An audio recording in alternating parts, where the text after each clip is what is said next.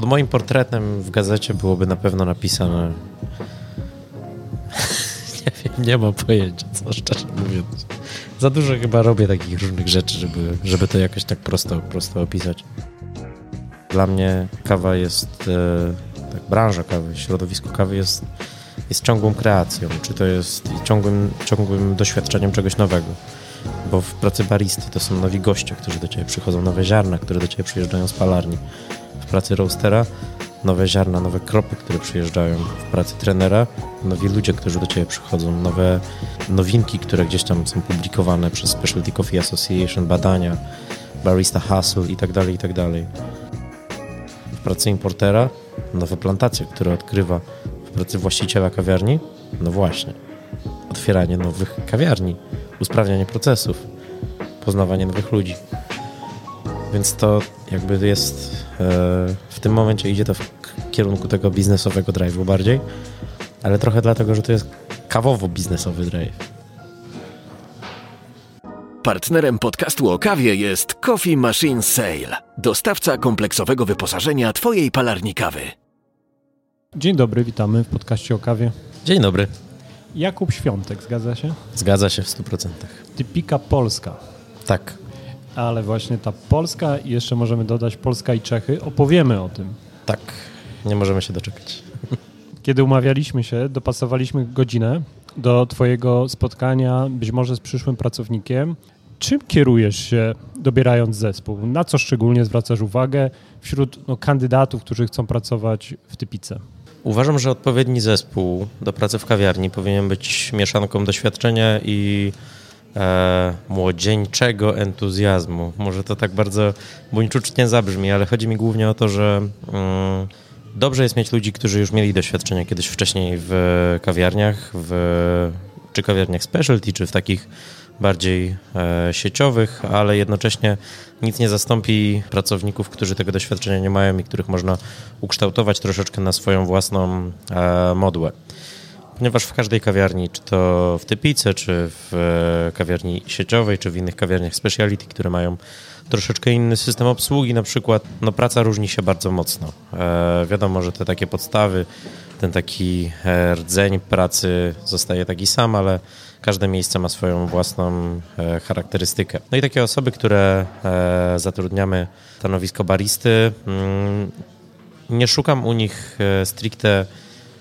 wiedzy kawowej, bardzo rzadko, e, tylko przy takim bardzo sprecyzowanym, sprecyzowanym poszukiwaniu osoby z doświadczeniem, w przypadku na przykład gdzieś tam rotacji pracowników, e, którzy mają zmianę prowadzić, ale w przypadku takiego zwykłego baristy, regularnego pracownika, szukam głównie zajawki, pasji. Nie musi być to konkretnie pasja do kawy, ale szukam zawsze ciekawości świata, jakiejś dziedziny, hobby, ponieważ to pokazuje u kogoś e, taką chęć poznawania czegoś bardziej dogłębnie i zainteresowanie, które również później często przekuwa się na kawę, bo no, sami wiemy, że kawa to jest super pasjonujący i szeroki temat. Mm, przed tym spotkaniem no, mieliśmy taką rozmowę telefoniczną, że trochę porozmawialiśmy o tym, jak działa e, Typika, no po to, żeby się też przygotować do tej rozmowy mhm. i podejrzewam, że to, co ciebie wyróżnia, e, no to jest coś, co bym e, jakby wrzucił w, to, to w ten, ten młodzieńczy entuzjazm. Do tego dojdziemy, no bo to jest związane z tym, jakie są plany na, mm, na przyszłość w Typice, ale jak już właśnie rozmawiamy o zespole, to wiem, że też y, korzystasz z możliwości, jakie daje tobie ten, y, y, jak to nazwać, rozmach działania, no bo druga typika jest w Czechach, nie? To zaraz będziemy o tym mówić, ale jest tak, że dbasz o to, żeby ci bariści na przykład rotowali między kawiarniami, co jest myślę bardzo interesujące. I jest tak, że barista może pojechać sobie do Czech, popracować? No w e, krótkiej, bo troszkę ponadrocznej, przynajmniej ja na to tak patrzę, historii działania Typiki, bo Typika jako taka otworzyła się w sierpniu 2020, no ale potem mieliśmy po praktycznie miesiącu pracy lockdown, co automatycznie no jakby mocno ingerowało w pracę kawiarni, w jej możliwość poznania przez e, osoby z zewnątrz osiedla, dzielnicy, no bo wiadomo, że każdy troszeczkę ograniczał e, przemieszczanie się, wszędzie był home office i tak dalej, i tak dalej. I dopiero od maja 2021 działamy na tak, e, w takiej normalnej formie, w formie, którą od początku chciałem, żeby Typika przebrała. No i no, na dobrą sprawę minęło nam półtora roku takiego działania i przez ten czas e, te pięciu baristów z Polski było już za barem w Czechach. Z Czech mieliśmy, żeby nie oszukać, też cztery albo pięć osób, e, co jest gdzieś tam bardzo fajne, bo daje możliwość poznania nie tylko innego miejsca, innego baru, innych standardów pracy, bo wiadomo, że no, mimo tego, że próbujemy to jak najbardziej unifikować, to pewne drobne różnice są. Możemy sobie czerpać e, czy Czechy z Polski, czy Polski z, e, Polska z Czech, to co jest najciekawsze. I myślę, że to jest taka dość unikalna rzecz, która, która działa bardzo mocno na naszą korzyść. Kuba, jesteśmy w warszawskiej typice, ale to jest jedna trzecia marki, tak można tak, powiedzieć? Tak. Mam nadzieję, że już niedługo e, jedna czwarta, bo planujemy też otwarcie kolejnej kawiarni e, w Warszawie. Te plany mam nadzieję, że uda się spełnić w pierwszych dwóch kwartałach e, przyszłego roku. Ale tak, w tym momencie typika warszawska to jedna trzecia całej marki. Pozostałe dwie trzecie są w Pradze, w Czechach, gdzie mamy typikę podobnych rozmiarów do tej, w której jesteśmy, w dzielnicy Nusle. Mm, Ta, która też... jesteśmy, to słuchacze, którzy są e, no, poza Warszawą. E, jak, jak duży tutaj jest lokal? E, to jest po podłodze 110 metrów kwadratowych i do tego antresola około 20 kwadratowa, 20, 20 metrów kwadratowych, co nam daje plus minus 130 metrów kwadratowych, z czego dla gości jest udostępniona całkiem spora część. No, można powiedzieć w takiej nowoczesnej dzielnicy Warszawy tak to Ochota? Czy wola. Wola. wola. Już, już, wola. Już wola, to jest dosłownie granica, bo powiedzmy, że znajdujemy się przy placu Zawiszy, który łączy e, Śródmieście, Wolę i Ochotę. E, stąd e, wiele osób e, mówi, że jesteśmy na Śródmieściu, wiele, że jesteśmy na Woli i troszkę, że jesteśmy na Ochocie, bo to jest powiedzmy tam e, chyba, naj, chyba najrzadszy wybór ze wszystkich. E, Ale jesteśmy zaraz przy metrze Daszyńskiego. Właśnie, właśnie, jeżeli ktoś jest chwila, chwilowo w Warszawie. Naprawdę warto wsiąść w tramwaj. Ze trzy przystanki tramwajem, tak. nieduży spacer i jesteś tutaj, także bardzo łatwo. Do trzeciej też e, zapraszamy, nie? No bo często jak bywamy w jakimś obcym mieście, to często jest taka okolica dworca. E, tak, dobra, tak. przerwałem. E, właśnie, e, wracamy do Czech. E, tam jest jeden lokal, tak? Podobnej wielkości? Tak, tak, około właśnie ponad 100-metrowym, mm, który ma sporą kuchnię ze śniadaniami, e, piecze swoje ciasto, dokładnie tak jak my. Oraz w tamtym roku e, mój wspólnik e, Peter Kolar otworzył drugą typikę, która jest początkiem takiego konceptu espresso barów, który też chcemy rozwijać. To jest jakby w tej samej marce, ale troszeczkę inne pozycjonowanie kawiarni, bo skupiamy się tam na głównie kawach na wynos i na miejscu małym, około 30 metrów kwadratowych, nie mniej, nie więcej, tam plus minus, plus minus 2-3 metry, gdzie mamy dosłownie 5 miejsc siedzących dla osób oczekujących, głównie na kawę na wynos e, i na szybki serwis dobrej kawy e, w popularnym komunikacyjnie miejscu. Jak to działa? To, to jest jakaś popularna dzielnica w Pradze, tak? Nawet nie bardzo. To jest taka dość mieszkalna dzielnica, bo to jest lokalna w Ruszowicach, e, czyli w takiej troszeczkę oddalonej od centrum dzielnicy, powiedzmy mm, dość Trochę jak takie, e, porównałbym to chyba do warszawskiego Muranowa najbardziej, e, gdzie jest dość sporo e, bloków, kamienic, nie za dużo biur, ale sprawdza się tam ten lokal bardzo dobrze. Aczkolwiek te procenty kawy sprzedanej na wynos do kawy sprzedanej na miejscu E, ostatnio o tym rozmawialiśmy właśnie ze wspólnikiem, że mm, myśleliśmy, że będą bardziej się kierowały do jakichś 80% kawy na wynos, 20% na miejscu, a zaskakująco dużo osób chce sobie i tak posiedzieć z komputerem albo, nie wiem, złapać się nawet na kawę w porcelanie, ale w biegu na miejscu i to jest bardziej 60 do 40 e, na wynosy do kaw na miejscu, więc e, można powiedzieć, że trochę te procenty nas zawiodły, ale sam lokal bardzo spełnia swoje oczekiwania. Głównie też dlatego, że jesteśmy mm, w stanie i też taki jest pomysł w Warszawie z miejsca e, większego, czyli w przypadku Warszawy właśnie z lokalu na Kolejowej 47 uczynić swego rodzaju bazę e, do tworzenia kanapek, wypieków i tak dalej, które później są w kontrolowany sposób transportowane na miejsce espresso baru, co oczywiście e, dla każdego prowadzącego e, kawiarnię e, powinno być jednoznaczne z tym, że jest dzięki temu się w stanie obniżyć troszeczkę koszta tych produktów lub po prostu nie produkować ich w dwóch lokalizacjach, tylko mieć je produkcję w jednym miejscu, co fajnie działa na powtarzalność, na jakość tego, co serwujemy naszym gościom. Czy ten pomysł na e, taki lokal w Warszawie już jest na tyle zaawansowany, że możemy powiedzieć, kiedy będzie otwarty, czy na razie szukasz? Mm, jesteśmy w trakcie poszukiwania lokalu. Będziemy je intensyfikować e, w pierwszych miesiącach 2023 e, roku. Mam nadzieję, że uda nam się otworzyć go do końca drugiego kwartału, czyli w granicach czerwca, lipca będziemy w stanie już ugościć naszych, naszych stałych gości oraz nowych, którzy Mam nadzieję, że tłumnie się zjawią na otwarciu e, dobrą kawą na wynos. Ale mm. celujesz w centrum? Celuję w lokal, który będzie w e, dobrym miejscu komunikacyjnym. Mamy, mamy takim, taką, mieliśmy pomysł na ścisłe centrum. Oczywiście to nie jest pomysł porzucony, bo to zależy od tego, jaki lokal znajdziemy. E, ale celujemy też w okolice stacji metra, e, w ulice o dużym ruchu pieszym, okolice przystanków, e, placów czyli miejsca, które gdzieś tam skupiają po pierwsze duży ruch komunikacyjny, po drugie też e, skupiają ludzi jako takich, e, czyli miejsca, które nie są jakby gdzieś na pustyni, tylko są w okolicach, e, w okolicach miejsc kultury, parków i tak dalej. Twój wspólnik Peter, jak nazwisko? Kolar. Ja powtórzę. Twój wspólnik Peter Kolar na co dzień mieszka w Czechach. Jak rozpoczęła się wasza współpraca? Nasza współpraca rozpoczęła się już kawał czasu temu, bo to będzie 8 lat. Czas leci, nieubłaganie. E, 8 lat temu poznałem Petera, kiedy e, wraz ze swoim wspólnikiem e, otwierali e, palarnię Wrestling Hills Coffee Roasters. E, w taki sposób, że jako head barista Stora jeszcze wtedy poszukiwałem nowych e, nowych palarni, nowych partnerów do e, wspólnego działania, a ich paczki miały bardzo fajny design, minimalistyczny, e, mega estetyczne logo.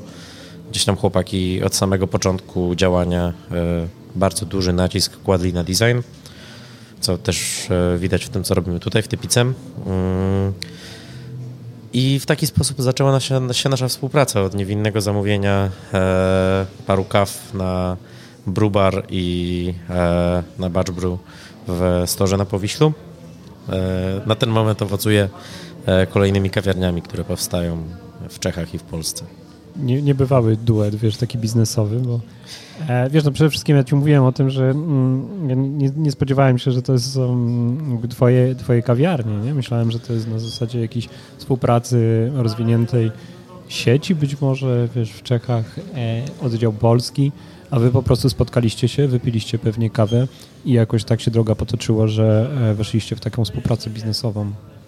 Tak, dokładnie. Myślę, że no to, to jest trochę unikalny duet, ale duet, który się sprawdza i który, e, który jest e, no czymś, co na pewno jest e, taką bardzo rzeczą, za którą jestem wdzięczny w życiu.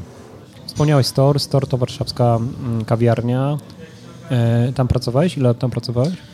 No przepracowałem tam chyba około ponad, ponad dwa lata. A wcześniej? do trzech nie dociągnąłem. Od, od dawna jesteś w kawie, prawda? Tak, w kawie, w kawie jestem od 15 roku życia, teraz zbliżam się do 30. Eee, aczkolwiek na początku oczywiście to były takie bardzo prace wakacyjne. Pierwszy raz poszedłem do pracy w sieciówce, jeszcze wtedy w Empik Cafe, tak żeby dorobić sobie do gdzieś tam kieszonkowego od rodziców.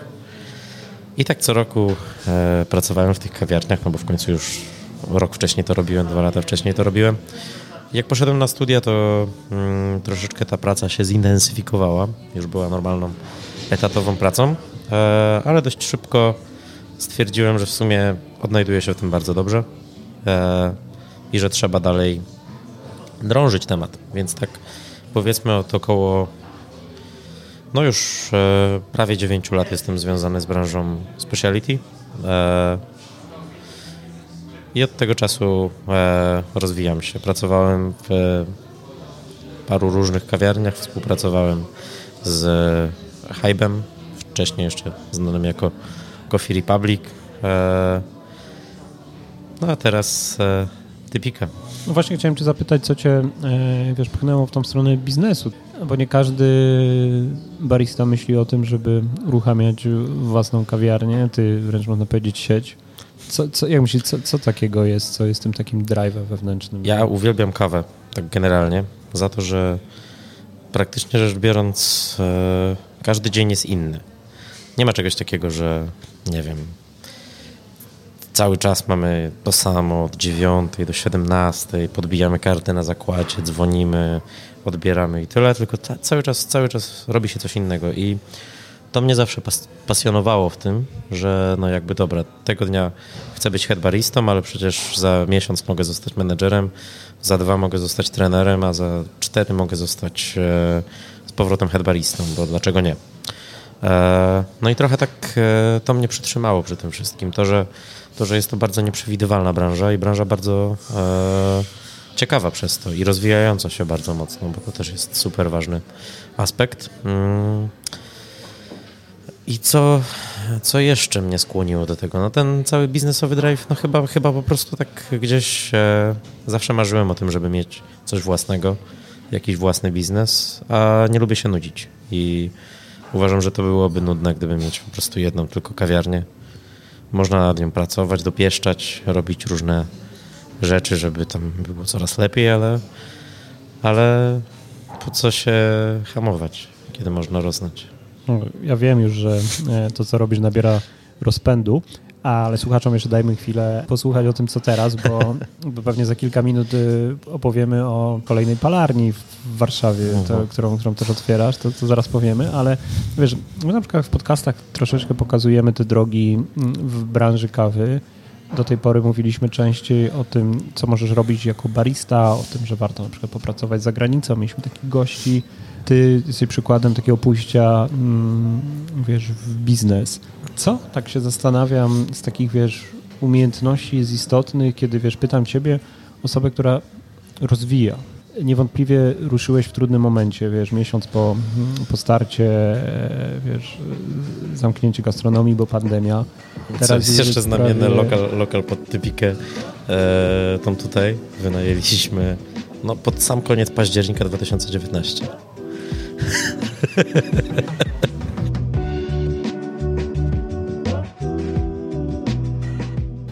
Najpierw architekci długo pracowali nad samym konceptem, wizualizacjami, no jakby musieliśmy, to co tutaj robimy, to co charakteryzuje typikę, to jest jakby prowadzenie tego w sposób przemyślany. Przynajmniej ja chcę na to tak patrzeć i również mój wspólnik a nie da się zrobić remontu albo za całego konceptu na tak duże miejsce w miesiąc albo dwa. Więc z architektami na dobrą sprawę dopiero w ostatnie dni grudnia dopięliśmy koncepcję tego, jak to ma wyglądać, a w styczniu miała wejść ekipa. No i ona weszła na dosłownie 2-3 tygodnie, a potem to byli, e, są bardzo sympatyczni, e, cudowni panowie z Ukrainy, którzy wrócili do siebie żeby e, odnowić sobie e, wizy, bodajże. Dokładnie już nie pamiętam, jaka tam, co, co mieli odnowić, ale e, w lutym się zaczęła pandemia, lockdown, wszystkie urzędy zamknięte, nie dało się tego zrobić. No i chwilę poczekałem, ale na dobrą sprawę musiałem potem szukać na szybko kogoś innego, kto przeprowadzi mi remont i to tak wszystko oczywiście się rozwlekało, bo ci nie mogli, ci mogą zacząć za tydzień, ci okazali się partaczami i tak dalej, i tak dalej. I, i mimo wynajęcia lokalu w, no, na koniec października 2019 udało się dopiero w sierpniu 2020 oddać lokal. Co jeszcze byś dodał, bo tak jak wspominałem, to jest też ciekawe, że w różnych płaszczyznach rozwijać, nie? Plus jeszcze ten wątek między, międzynarodowy.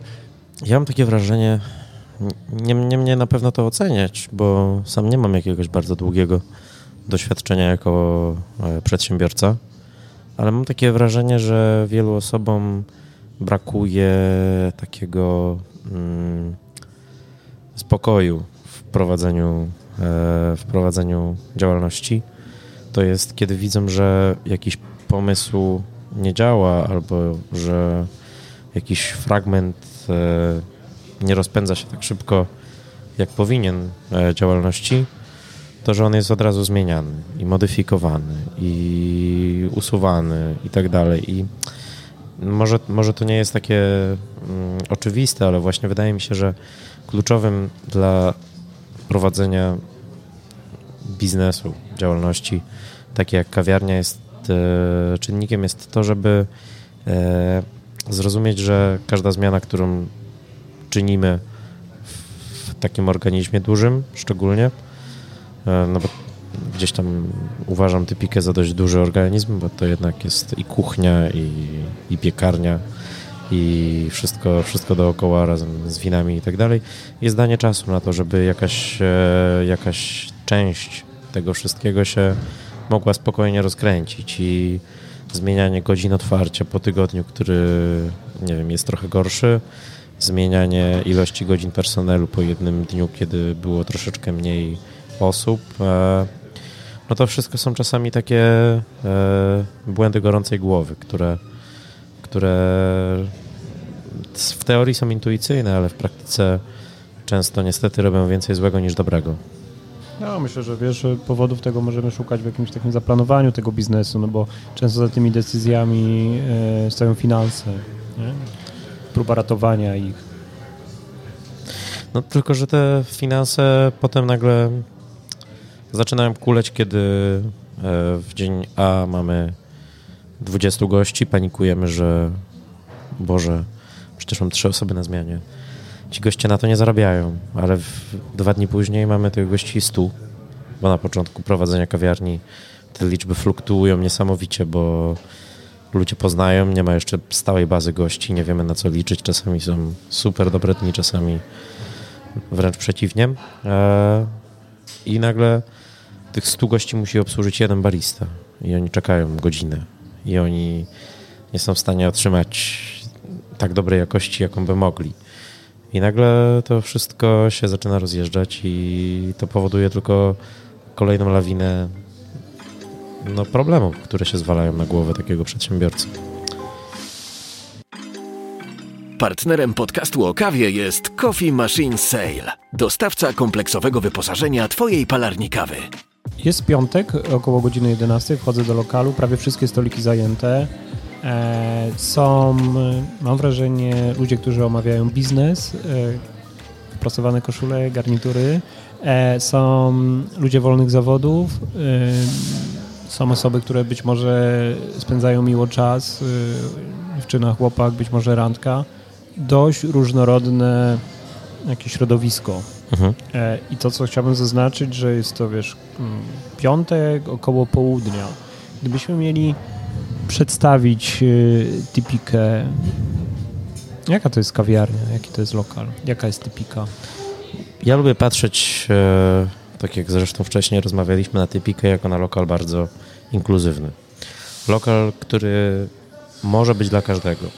Z pozoru, przez dbałość o detale, przez to, że jakby mamy dużo bieli, dużo drewna i nie wiem, ładną ceramikę i tak dalej, może się wydawać, że Typika jest lokalem ekskluzywnym i często takie, takie wrażenie gdzieś tam w głowach ludzi jest, e, ale nie do końca taki był zamysł. Zamysłem było dbanie o detale, o to, żeby mm, każdy czuł tutaj pewnego rodzaju jakość, która nie jest przedstawiona tylko i wyłącznie w filiżance czy na talerzu, ale też w dbałości o wystrój. I stąd też ja lubię patrzeć na Typikę jako na lokal, którym, w którym każdy odnajdzie się, odnajdzie e, swoje smaki, swój własny kącik, bo mamy jakby bardzo zróżnicowane celowo e, również strefy funkcjonowania kawiarni. Mm, bardziej odpowiednie do pracy, bardziej odpowiednie do spotkań, bardziej odpowiednie do konsumpcji stricte. E, stąd jakby właśnie chyba to najlepiej opisuje właśnie Typikę. Opisałbym jeszcze na pewno Typikę jako miejsce mm, fachowe.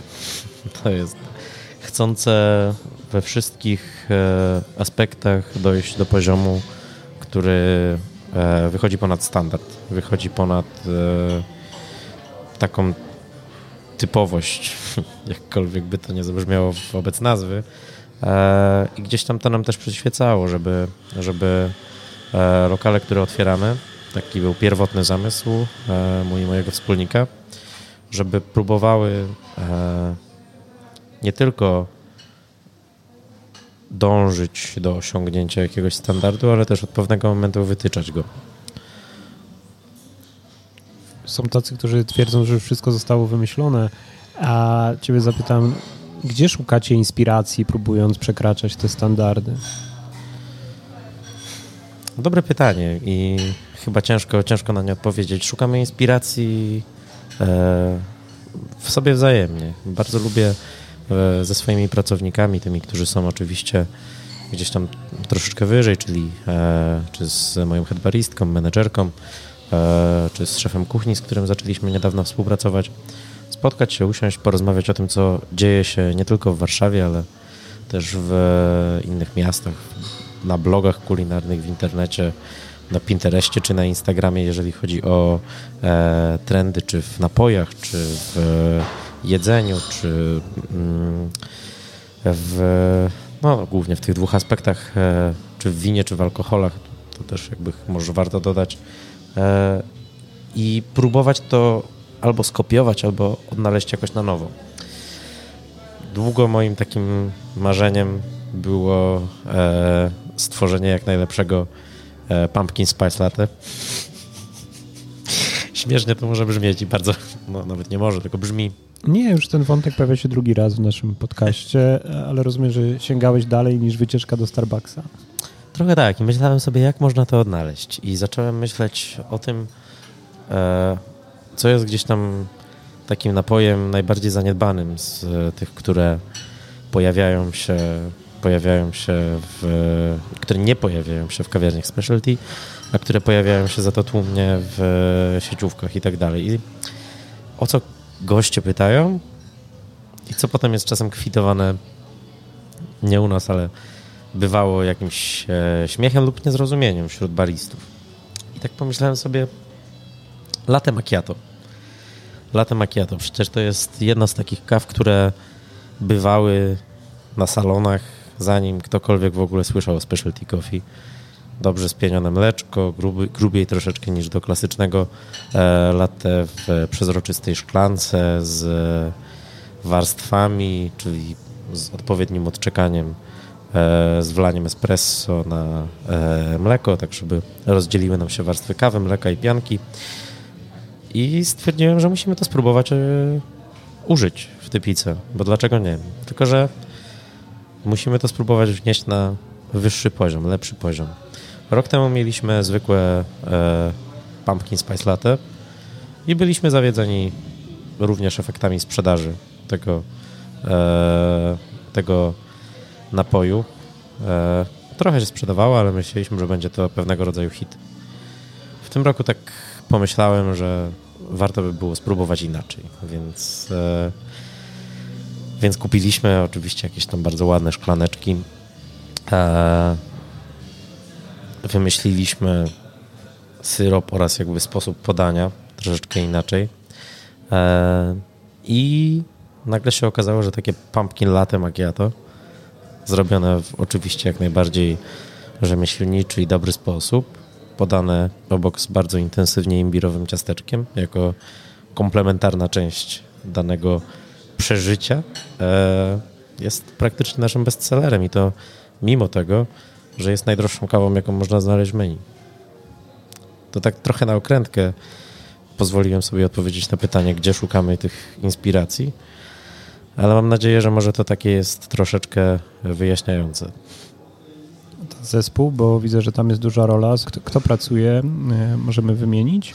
Tak, headbaristką u nas jest Ewelina Basińska, bardzo doświadczona mm, baristka, która pracowała wcześniej e, w Gnieździe we Wrocławiu, w e, kawiarniach Coffee Desk w Warszawie i e, już ponad pół roku temu zaczęliśmy współpracę, która mm, zaczęła się głównie z tego powodu, że chciałem, żeby bariści mieli kompetentne i ustandaryzowane szkolenia podczas wprowadzania.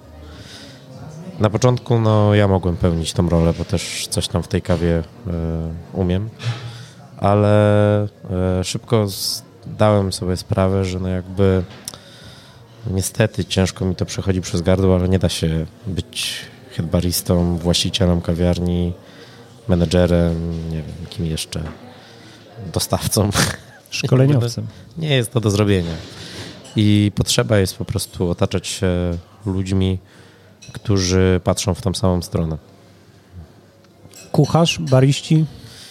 Tak, no i bardzo ważna osoba dla Typiki, czyli e, menedżerka Emilka Zieja, która e, pomaga mi trzymać to wszystko w ryzach. Dzisiaj na zmianie jest jeszcze Kuba i Natalka. To są cudowni bariści, którzy e, zaczynali od zupełnie świeżych, zero doświadczenia. Dzisiaj szaleją piękne latte arty, wiedza dotycząca espresso, alternatyw. Naprawdę super. Na kuchni dzisiaj jest nasz szef kuchni Adam Kmieciński. Też bardzo ważna część zespołu, który e, wcześniej pracował w e, restauracjach, które naprawdę mają dobrą renomę na warszawskim rynku i jakoś już udało mi się go przeciągnąć, żeby tworzyć takie banalne rzeczy jak śniadania u nas. Bywasz w Czechach? Bywam. Ale właśnie, jak często tam jeździsz do typiki w Czechach? Staramy się robić to na tyle regularnie, żeby e, mniej więcej 4-5 razy w roku mój wspólnik był tutaj i żebym ja był w Czechach. Czyli powiedzmy minimum raz na kwartał jeździmy do siebie nawzajem. Co nam daje mniej więcej to, że widzimy się co miesiąc. Jakie widzisz różnice, jeśli chodzi o rynek kawy pomiędzy Polską a Czechami? No dość uderzające. Nie? Najbardziej ciekawe jest to, że mm, w Czechach z uwagi na nie wiem, czy to jest e, kultura, czy to jest e, może jakieś pierwsze kawiarnie, które wytyczyły taki trend, ale praktycznie we wszystkich miejscach e, mamy obsługę stolikową. My to robimy tutaj w Polsce i można powiedzieć, że jesteśmy jednymi z bardzo niewielu miejsc, które serwują kawę specialty, które również mają obsługę przy stolikach. Czasem przez to cierpimy, czasem przez to zyskujemy. Wiadomo, no jakby zawsze będąc pierwszym, robiąc coś troszeczkę. Mm, trzeba walczyć z jakimiś tam utartymi ścieżkami i często słyszymy, że to jest bez sensu, ale z drugiej strony ja w tym widzę bardzo duży biznesowy sens. E, z uwagi na nie sprzedaż sugerowaną, którą możemy sobie do, wtedy dołożyć, e, podchodzenie do gości, możliwość spędzenia większego czasu średniego e, przy gościu, ograniczenie bardzo mocno czasu, w którym gość czeka w kolejce na przykład przed barem. Nie można było tak wymieniać i wymieniać zalety. Oczywiście wady również, o nich nie będę mówił, bo, bo nie chcę o nich mówić. ale właśnie to było dla nas takim największym, dla mnie największym zaskoczeniem, kiedy e, przybyłem do e, Czech. Pierwszy taki bardziej świadomy raz, kiedy zwracałem na to uwagę i e, praktycznie rzecz biorąc nawet w jakiejś burgerowni niedużej w Brnie e, zostałem poproszony, o, żebym usiadł do stolika. Tam było pięć miejsc siedzących i burgerownia leciał jakiś tam hardy rap. Wszystko pachniało wołowiną i jakby dla mnie naturalnym było podejście do baru, zamówienie sobie, nie wiem, jakiegoś cheeseburgera, usiąd, usiądnięcie przy stoliku, poczekanie, konsumpcja, wyjście. Już po zapłaceniu oczywiście, tam na początku. A tutaj nagle ja mówię, poproszę e, cheeseburgera, a pan mówi, nie, nie, nie, nie, nie, proszę usiąść przy stoliku, ja podejdę, podam menu i porozmawiamy.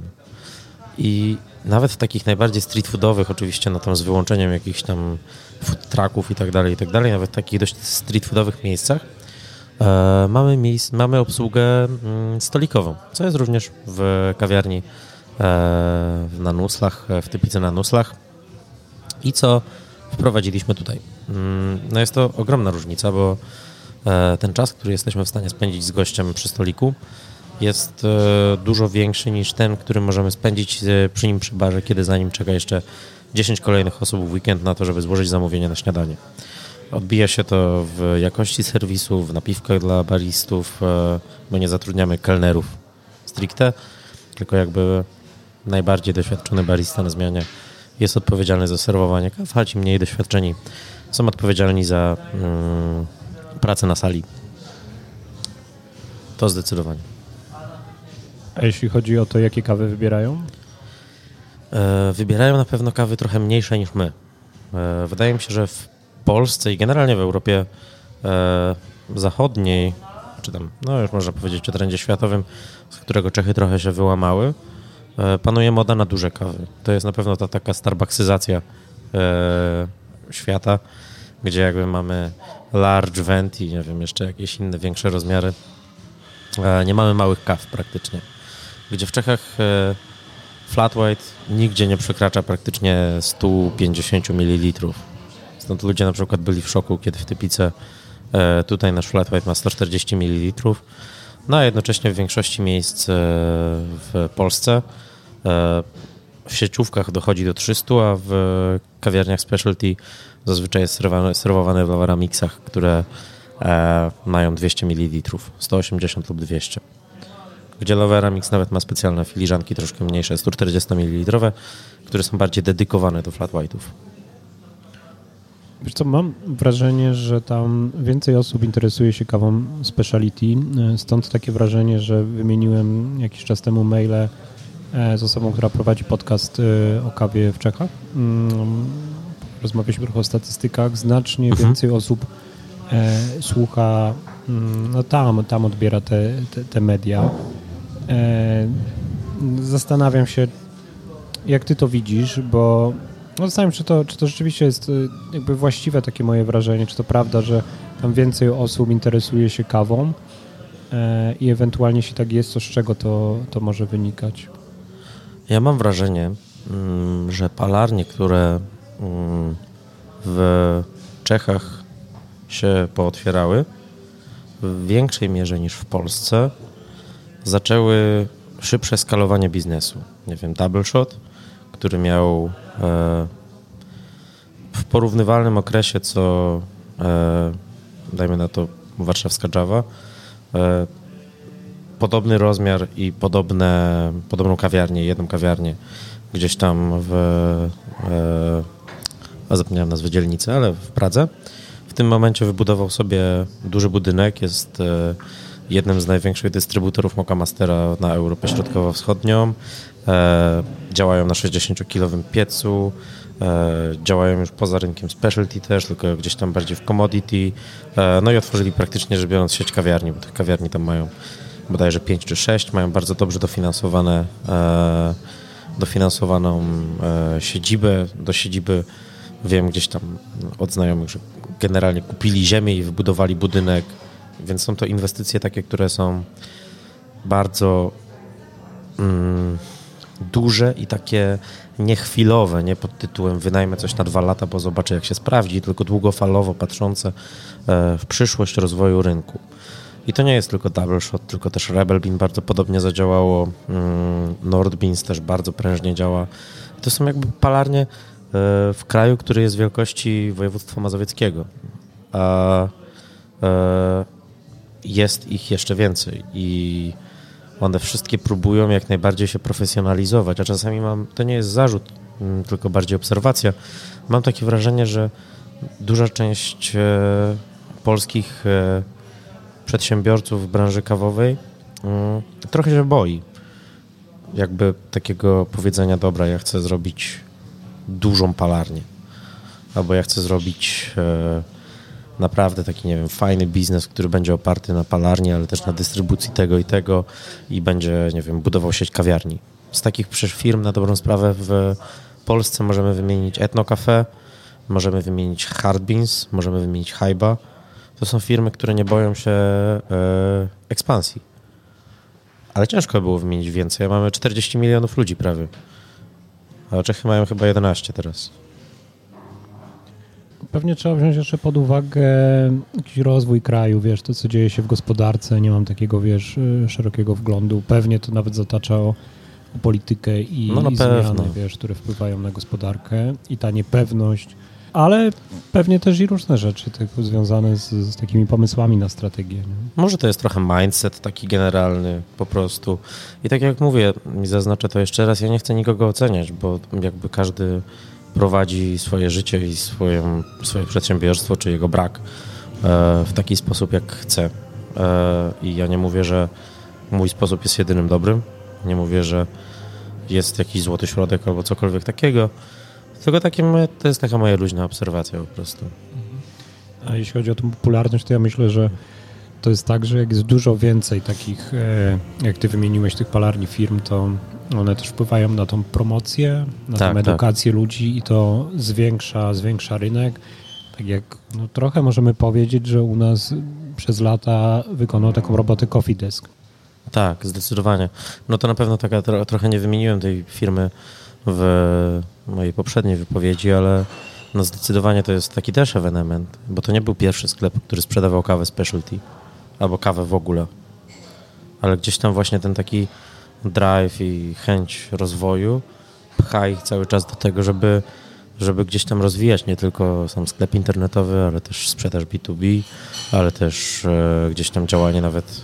Kto by pomyślał, że mały sklepik z koło brzegu zacznie sprzedawać piece i budować sieć kawiarni. No. Ale też e, myślę o tym, że z drugiej strony, tak jak wymieniłeś te czeskie firmy, mhm. to tak jakbyśmy mieli, wiesz, w Polsce cztery takie kofideski, nie? No właśnie, no. Cztery kofideski i pięć hardbeansów. I teraz zobacz, jaka jest e, ogromna skala dotarcia z, z ciekawym produktem nie? do ludzi. Tak, tak, totalnie. No to ja też mam takie wrażenie, że wiesz, nawet jak tak zacząłem od tego rozmowy y, z tym człowiekiem, który prowadzi podcast, że jest jeszcze w naszym kraju bardzo duża liczba osób, które by się mogły zainteresować kawą, gdyby e, ten produkt czy ta kultura wiesz, do nich dotarła w komunikacji. No na pewno, to jest bardzo ciekawe, ale spójrz nawet, ja tak myślę sobie też o tak właśnie tym mindsetie i charakterystyce kraju i tak dalej. W Czechach znowu praktycznie nie ma rzemieślniczego piwa bo oni są skupieni na lagerach, na swoich pilznerach, na swoim kozlu i tak dalej, i tak dalej, na dużych graczach. I tam znowu są, jest mnóstwo piwiarni, miejsc tego typu, ale one wszystkie są skupione przez duże, duże, duże, mm, duże firmy i praktycznie u nich ten rynek piwa rzemieślniczego nie istnieje.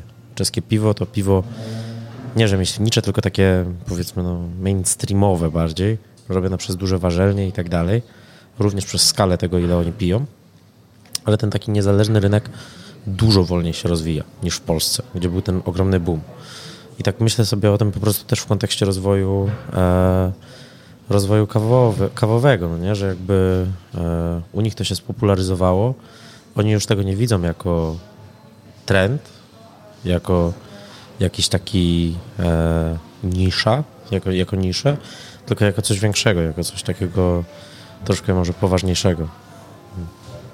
Może akurat w tym jest taki, wiesz, dojrzalszy rynek, nie? Może. U nas jest tak, że powstają takie produkty, jak na przykład y, piwo rzemieślnicze, później one jakby tak pączkują, mhm, że jest tak, ten kapitał tak. w Polsce i dość szybko zorientowaliśmy się, że mamy bardzo wiele mm, e, piw rzemieślniczych, po czym one nagle znajdują się na półce w Żabce, później duże Stacje koncerny tak. kupują e, te i to tak wygląda, a tam, tam jest to inaczej, gdzieś może jest to w tej dojrzałości, jeszcze łącząc tą przedsiębiorczością. E, no liczymy, że właśnie na przykład takie rozmowy mogą zainspirować kogoś, kto chciałby stworzyć mm, fajną kawiarnię. No, taki Kuba zrobił taką. E, zapraszamy do kopiowania, nie? No jasne, że tak. Ja każdemu, ja nigdy nikomu pomocy też nie odmawiam. I zawsze jak ktoś do mnie przychodzi z pytaniem, to nigdy się nie, zas, nie zasłaniam tajemnicą handlową albo jakimiś rzeczami tego typu tylko ja uważam, że rynek w Warszawie jest dalej bardzo nienasycony, jeżeli chodzi o kawiarnie. No bo spójrzmy na te dzielnice poza centrum. Tych miejsc nie ma dużo. Na dzielnicę, nie wiem, typu Bielany możemy wymienić dwie kawiarnie speciality na Bielanach. Na Woli z cztery. A to jest miasto, Warszawa jest miastem, które ma co no już pod 3 miliony pewnie aglomeracja będzie dojeżdżała zaraz. E, to mówię o zarejestrowanych głównie osobach. A w mniejszych miastach potrafi być tych kawiarni nawet proporcjonalnie więcej niż w Warszawie, więc Warszawa myślę, że całkiem dużo do rozwoju jeszcze. Jak widzisz siebie w branży kawy, w polskiej branży kawy? Gdyby trzeba było zrobić taki, yy, taki margines w gazecie, w artykule o kawie i tam byłoby twoje zdjęcie, taki portret, to co by tam było napisane dzisiaj? No, nie wiem. Właściciel kawiarni w tym momencie jeszcze, bo jeszcze palarni nie odpaliłem. Zaraz o tym porozmawiamy. Ale bardziej no. e, obserwator rynku, który umiejętnie potrafi e, zamienić tą wiedzę w dobrze działający biznes. No, chciałbym tak. Nie wiem, czy sam bym się tak nazwał, bo jestem raczej bardzo krytyczny do tego, co robię. Ja cały czas uważam, że jestem bardzo leniwy i, i że mógłbym osiągnąć więcej, zrobić więcej, codziennie robić więcej. E, ale wydaje mi się, że no to jest też też no, no nie, chyba tak bym się, chyba tak jakoś bym się określił może. To jest dość trafne, co powiedziałeś. E, z tym przekuwaniem w owocny biznes, no to ciężko, bo dalej uważam się za bardzo młodego przedsiębiorcę, który ma bardzo dużo do, do nauczenia się i do e, poprawy w tym, co robię, bo mogę mówić dużo o Excelu, o jakichś tam, nie wiem, przewidywaniach, prognozach i tak dalej, ale często mam wrażenie, że tego jeszcze mógłbym to implementować w dużo skuteczniejszy i szybszy sposób. E, no ale no co, no chyba, chyba byłoby gorzej, jeżeli bym teraz spojrzał i powiedział, dobra, nic, nic, nic więcej lepszego już nie wymyślę, więc zatrzymam się na tym, co jest. Ciężko. Pod moim portretem w gazecie byłoby na pewno napisane e, nie wiem, nie mam pojęcia, co szczerze mówiąc. Za dużo chyba robię takich różnych rzeczy, żeby, żeby to jakoś tak prosto, prosto opisać prowadziłeś kawiarnię, nawet nie wymieniliśmy wszystkich, gdzieś one tam się pojawiają w rozmowie i to jest, wiesz, ta, ta taka wiedza specjalistyczna mm, z branży kawy, z pracy z kawą to jest jedno, a drugie to właśnie taki rys biznesmena. Wiesz co, to, to, co uważam, że w tym jest e, takie, takie najciekawsze w moim rysie biznesmena, to jest to, że ja pracowałem e, jako barista, pracowałem E, jako trener. Pracowałem troszkę bardziej przy imporcie ziarna zielonego, to dużo powiedziane, ale pomagałem w palarniach również w wyborze ziarna zielonego w kontakcie bezpośrednio e, z importerami. E, pracowałem jako szkoleniowiec baristów, pomagałem otwierać lokale, robiłem jakieś konsultingi bardziej dokładne, mniej dokładne. W sensie to już oczywiście nie mówię o swojej jakości, tylko o tym, co chcieli ode mnie mm, dokładnie moi klienci. E, I to mnie najbardziej ukształtowało w tym wszystkim. Aczkolwiek jak pierwsze miesiące prowadzenia własnej kawiarni były dla mnie jakby zupełną odklejką, w taki młodzieżowy sposób sobie powiem, bo e, no jakby inaczej się komuś mówi, jak coś robić, a inaczej potem patrzy się realnie w cyferki na koncie, w liczby w Excelu jeszcze w takim czasie jak pandemia, później wojna na Ukrainie i tak dalej. Gdybyś miał postawić się po jednej stronie, e, gdzie jest kawa mm, i ta właśnie wiedza o surowcu, łącznie mhm. z pracą jako baristy, a z drugiej biznes, to czujesz, że gdzie ci bliżej? Jeszcze jestem bliżej kawy, ale ta huśtawka bardzo mocno leci w tą stronę biznesową że z każdym miesiącem e, odnajduję coraz więcej zajawki w tym takim szerszym obrazku, w większej perspektywie. E, nawet nie tylko dlatego, że żeby, nie wiem, więcej zarabiać, bo to w ogóle jest na zupełnym końcu mojego, e, mojego chcieństwa, tylko na tym, żeby po prostu tworzyć. Ja zawsze każdemu mówię, że dla mnie kawa jest, e, tak, branża kawy, środowisko kawy jest, jest ciągłą kreacją, czy to jest i ciągłym, ciągłym doświadczeniem czegoś nowego. Bo w pracy baristy to są nowi goście, którzy do ciebie przychodzą, nowe ziarna, które do ciebie przyjeżdżają z palarni. W pracy roastera nowe ziarna, nowe kropy, które przyjeżdżają. W pracy trenera nowi ludzie, którzy do ciebie przychodzą, nowe e, nowinki, które gdzieś tam są publikowane przez Specialty Coffee Association, badania, barista hustle i tak dalej, i tak dalej.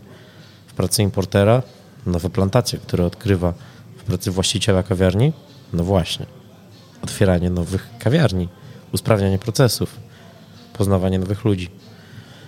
Więc to jakby jest, e, w tym momencie idzie to w kierunku tego biznesowego drive'u bardziej, ale trochę dlatego, że to jest kawowo-biznesowy drive. A powiedz, ty kształciłeś się w kierunku biznesu? Nie, zupełnie. E, kształcę się teraz. Próbuję dużo czytać o tym, ale skończyłem e, stosunki międzynarodowe. No, Może no. dlatego te Czechy.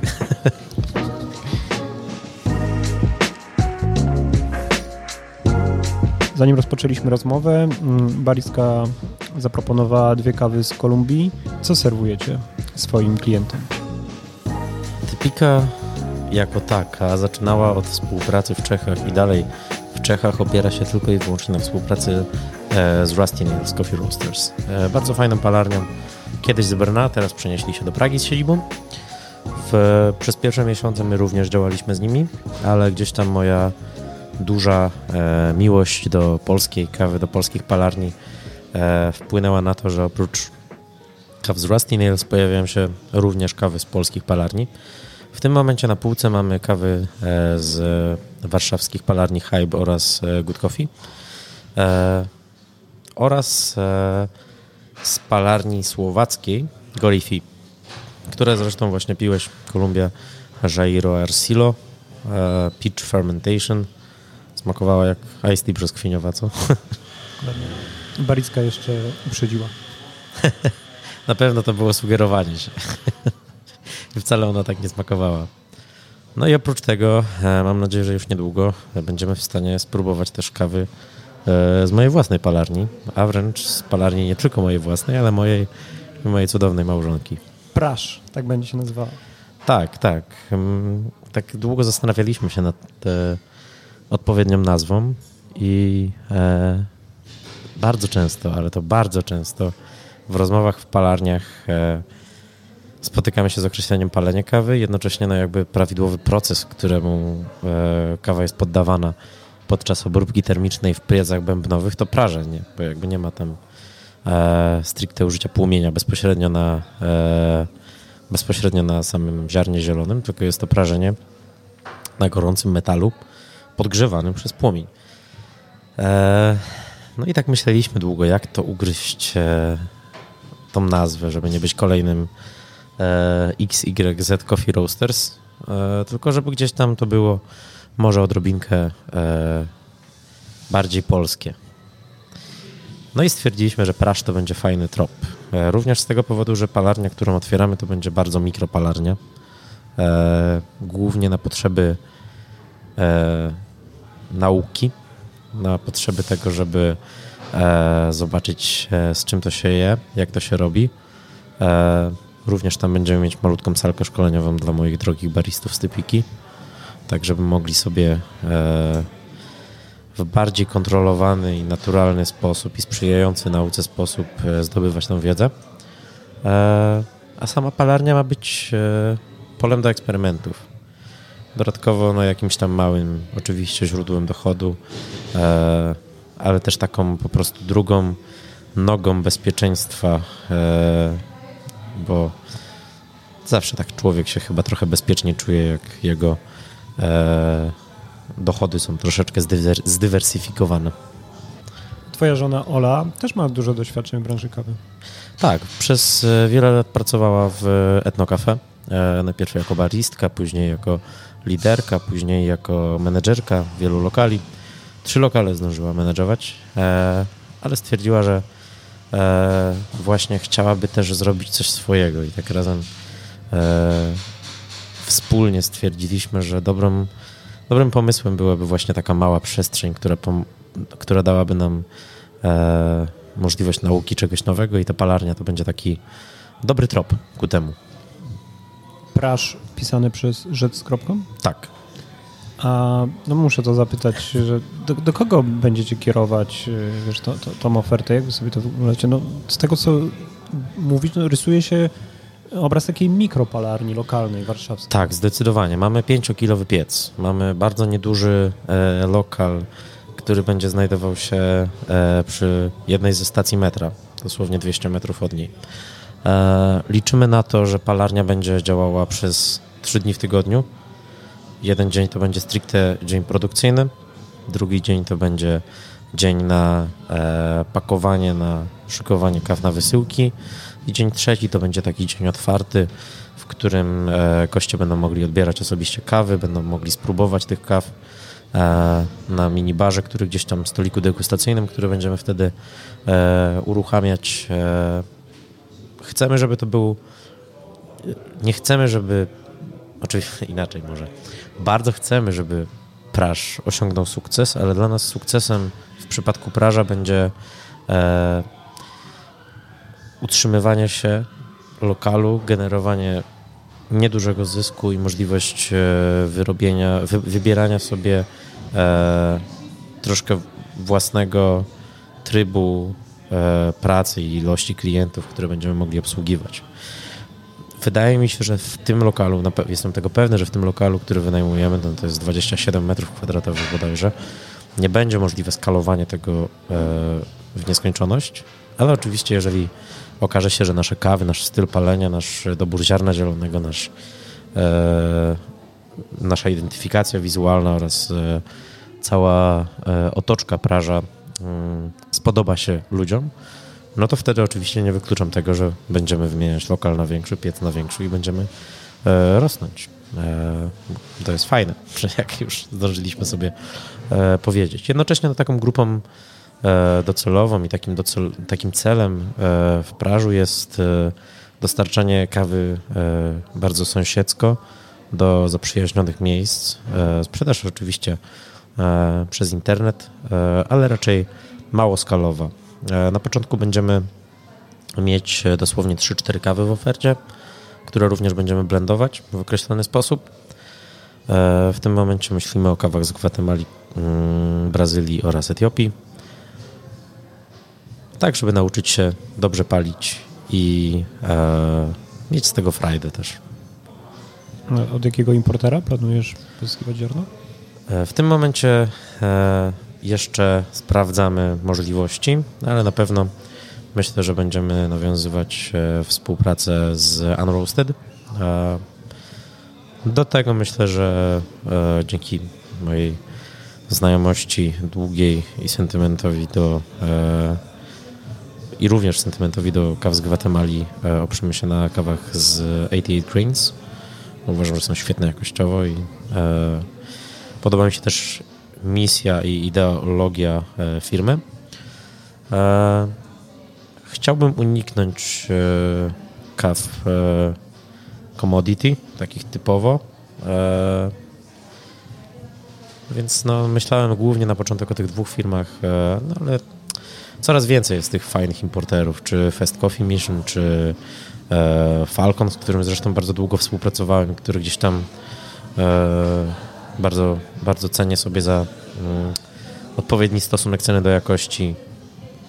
Ale teraz, tak jak czasem sobie właśnie z Wojtkiem z Good Coffee gadam, że tych importerów ziarna zielonego to się teraz tak namnożyło po prostu, że oni dostają co tydzień po prostu dwie, trzy paczki od różnych innych importerów pod tytułem hej, weźcie nas, weźcie nas, proszę. Nawet ostatnio dostali jakąś paczuszkę z od jakiegoś importera z Tokio, który planuje wejść na europejski rynek i w ogóle nam mówi, dobra, to weźcie nasze kawy, to będziecie mieć origin trip do dowolnego kraju, tutaj macie listę krajów i weźcie tą kawę, nie, nieważne ile, napiszcie, że to jest nasza i będziecie mieć origin trip tutaj, tam, tutaj, tam. Niesamowite. Wiesz, to dobrze, bo widzą potencjał w naszym kraju. W naszym kraju, no, w naszym regionie. E, ja uważam, że to bardzo dobrze. To zresztą widać, że specialty coffee jest tak, no myślę, że z 5 lat do tyłu co do piwa kraftowego, na 5 lat temu nie dało się rady dostać piwa kraftowego w Lidlu, albo w Biedronce, albo na stacjach benzynowych. Myślę, że za te 5 lat będziemy w stanie dostać też specialty coffee dużo bardziej, w dużo bardziej przystępnych miejscach niż tylko i wyłącznie niewielkie sklepy specjalistyczne, kawiarnie specialty czy sklepy internetowe. Kiedy możemy spodziewać się e, ziarna od praż w Typice? Mam nadzieję, że w pierwszym kwartale następnego roku zaczęliśmy już remont, e, prężnie działamy i mam nadzieję, że do końca roku uda nam się zainstalować piec, później szkolenia, próbne wypały i dopiero kiedy będziemy w 100% pewni produktu, premiera. Nie goni nas nic. Chcemy, żeby to był dopieszczony, dopieszczony naprawdę fajny produkt, który e, kupi nas i przez to kupi też naszych gości. Przyszedłem tutaj około godziny 11, dochodzi 15. Tak wygląda nagrywanie podcastu 3-4 godziny, ale chciałem zwrócić uwagę, że mam wrażenie, że troszkę się zmienia e, klimat miejsca. E, jest więcej hałasu, więcej śmiechu.